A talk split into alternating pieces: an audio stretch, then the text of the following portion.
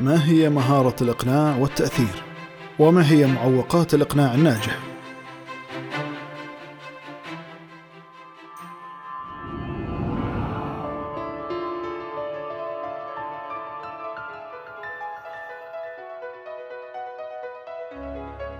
حياكم الله حديثنا اليوم عن مهارة الإقناع وأهم الطرق المستخدمة للإقناع وما هي أكثر الأسباب المعوقة للإقناع الناجح كم مرة احتجت لإقناع الآخرين بفعل شيء ما؟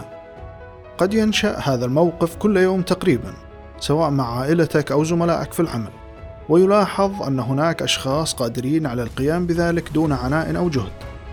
ويوجد ثلاث طرق للتأثير والإقناع. الإلحاح. تكرار وجهة نظرك بشكل دائم والتحدث فيها باستمرار. قد ينجح في بعض الأحيان ولكنهم هنا يستسلمون للحصول على القليل من الهدوء. وليس بسبب اقتناعهم بالفكرة.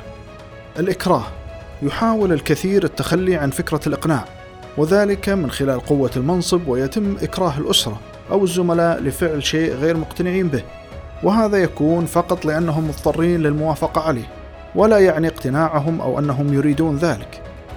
الطريقة الأفضل والفكرة هنا أنه لا يمكنك إرغام أو الإلحاح على شخص ما لفعل ما لا يريده ولكن بدلا من ذلك يمكنك جعلهم يريدون ما تريد وهو من خلال إبراز الجوانب المضيئة للشخص ووضع الخيارات وإبراز قدراته الإيجابية التي يرغب بها عادة أمامه وتركه يختار ما يريد بملء إرادته. كما يوجد معوقات للإقناع وتتمثل في عشرة نقاط حسب تصنيف كيرت مورتنسون وهي الاقتناع أنك الأفضل في مهمة الإقناع والحرص المبالغ فيه في عملية الإقناع وعدم بذل الجهد المطلوب للحصول على ما تريد. وكثرة الكلام وتقديم الكثير من المعلومات واليأس والخوف من الرفض وعدم الاستعداد ووضع افتراضات حول جمهورك وعدم التركيز على الموضوع الرئيسي. تظهر الأبحاث أن هناك عددا من الأشياء التي يحبها الناس في الإقناع الناجح وهو أنهم يتمتعون بتقدير كبير للذات والذكاء العاطفي وأنهم يعتقدون في قرارة أنفسهم أنهم سينجحون. ونحتاج لتطوير هذه المهارة تطوير عدة مهارات مثل التعاطف والاستماع النشط وأن تكون قادرا على بناء العلاقات وأن تتمتع بمهارات الاتصال الجيدة.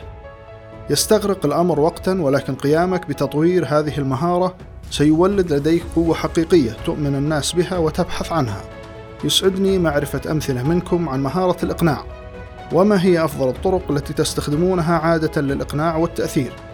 إلى هنا نكون قد أنهينا موضوعنا لهذا اليوم. ألقاكم بخير ودمتم بحفظ الله.